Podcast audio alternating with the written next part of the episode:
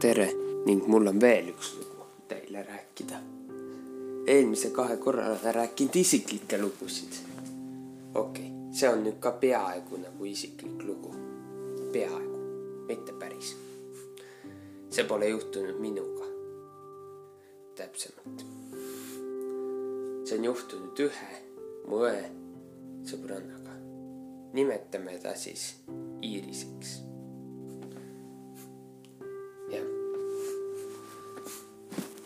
ta rääkis ükskord sellise loo, et tal on üks suur pruun ja pehme kaisukaru.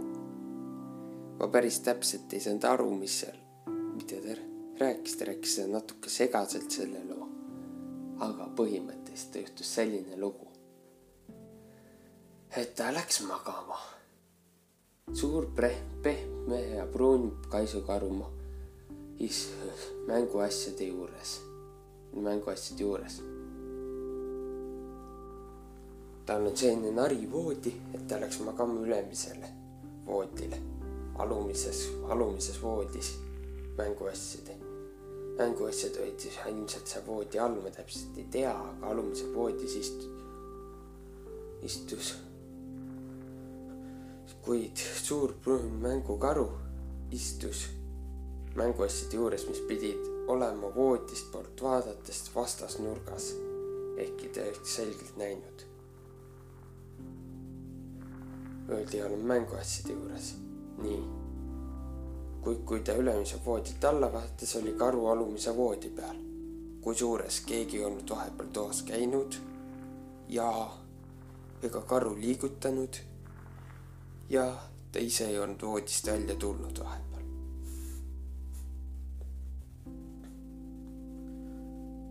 Kusjuures karu nägu oli ka muutunud, oli muutunud tavalisest, ma täpselt ei tea, mis tavaline on kurb, kurvast rõõmsaks. järgmiseks ööks, võib-olla see on järgmine, see oli mingi teine öö pani karu õhtuks kapi otsa. kuid hommikul, kui ta üles ärkas, oli karu kapi otsas kadunud. Ja keegi ei teadnud midagi. mõnikord karu lihtsalt kadus paariks päevaks majast ja nii, et keegi teda üles ei leidnud.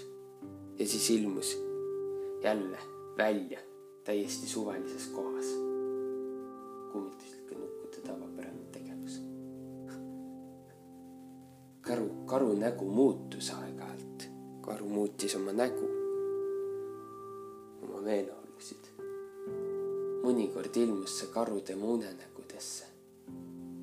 karu oli kaisukaru, pehme ja karvane, seetõttu häält ei saanud teha.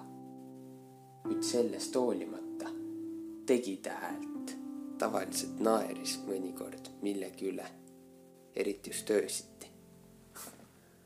päeval oli ta tavaline pehme kaisukaru, kuid öösiti võis teda näha liikumas ning häält tegemas. Ühest kohast teise. leviteerus. jah võib-olla kunagi teen nendest oskussõnavarast ka ühe osa.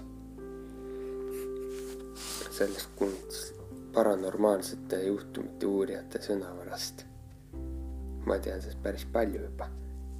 tean, aga nüüd mul tšau, selline oli deja de sorprender y irse. Loco. Chao.